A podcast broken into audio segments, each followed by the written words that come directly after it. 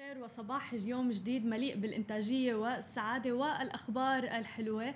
معكم أنا هالة بين سماشي تي في بنشرة الصباح وخلونا نبدأ بأهم الأخبار لليوم الثلاثاء. أول خبر معنا لليوم عن شركة أرامكو وتخفيض إنتاج النفط لرفع سعر البرميل حيث صرح مصدر مسؤول في وزارة الطاقة السعودية أن الوزارة وجهت شركة أرامكو إلى تخفيض إنتاجها من البترول الخام. هذا القرار رح يكون لشهر يونيو القادم.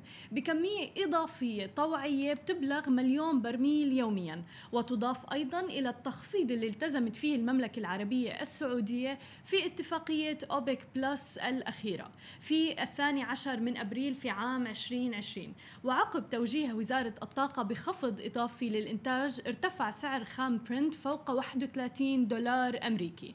ورح يكون حجم التخفيض اللي رح تلتزم فيه المملكة العربية السعودية قياسا على معدل إنتاجها في شهر أبريل الماضي نحو 4.8 مليون برميل يوميا. وبالتالي رح يكون إنتاجها لشهر يونيو بعد الخفضين الأساسي والطوعي 7.94 ألف برميل يوميا.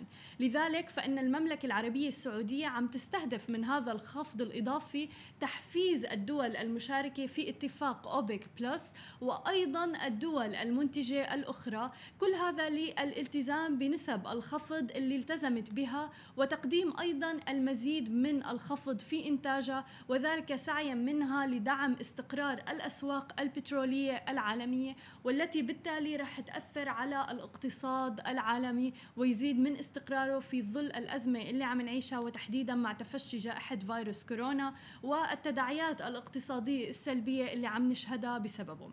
أما في المقابل إذا بدنا ننتقل لخبرنا الثاني فالإمارات عم تعلن خفض إضافي طوعي لإنتاج النفط في يونيو وهذا بعد قرار شركة أرامكو. حيث أعلن معالي سهيل المزروعي وزير الطاقة والصناعة أن الإمارات ستخفض بشكل طوعي إضافي إنتاجها من النفط بمقدار 100 ألف برميل يوميا لشهر يونيو المقبل. وهذا دعما لجهود السعودية لإعادة التوازن لسوق النفط العالمي. وأضاف أيضا في تصريح أنه بعد ما زاد سقف إنتاج دولة الإمارات من النفط عن 4 ملايين برميل يوميا في أبريل قامت الدولة دعما لاتفاقية أوبك بلس بالالتزام بالحصة المقررة. وبالتالي التخفيض الجديد هو فوق ما تعهدت فيه الإمارات بموجب اتفاق أوبك بلس لتنضم بذلك إلى السعودية والكويت في الإعلان عن تخفيضات جديدة في إمدادات الخام. مثل ما حكينا كل هذا بيساعد على استقرار السوق النفطي العالمي وبالتالي حتى الوضع الاقتصادي ورح يخففوا من تداعيات فيروس كورونا السلبية على الاقتصاد العالمي. أما إذا بدنا ننتقل لخبرنا الأخير اليوم في نشرة الصباح فهو عن الأردن. فالأردن عم بحدد موعد عودة القطاع العام للعمل ويقلل أيضا ساعات الحظر.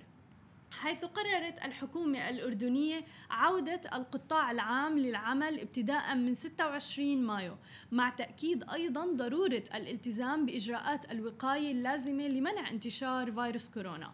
وقال وزير الإعلام الأردني أمجد أيضا أنه تقرر عودة موظفي القطاع العام إلى العمل ابتداء من يوم الثلاثاء 26 مايو الجاري مع التأكيد على ضرورة مراعاة أوضاع الموظفات تحديدا اللي لديهم لديهم أطفال.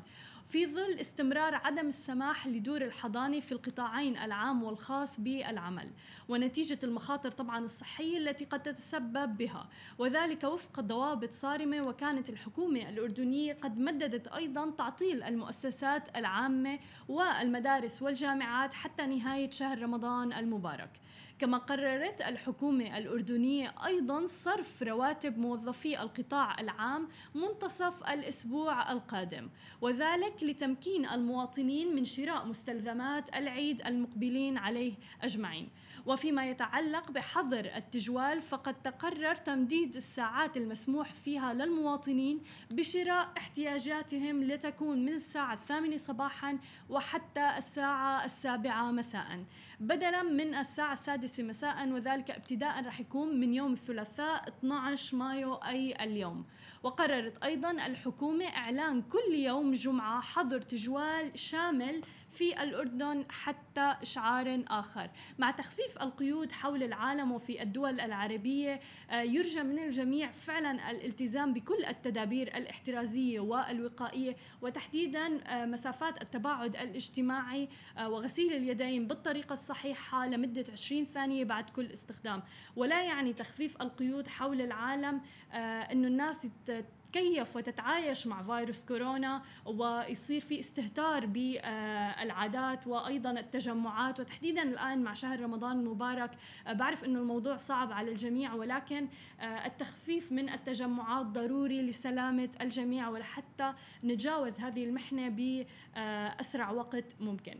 هاي كانت كل أخبارنا لليوم، ما تنسوا تتابعونا على كل مواقع التواصل الاجتماعي الخاصة ب Smashi TV، تسمعوا البودكاست تبعنا وتنزلوا ال application. بشوفكم أنا الساعة واحدة ونص بأخبار مفصلة أكثر عن ال business والتكنولوجيا. نهاركم سعيد.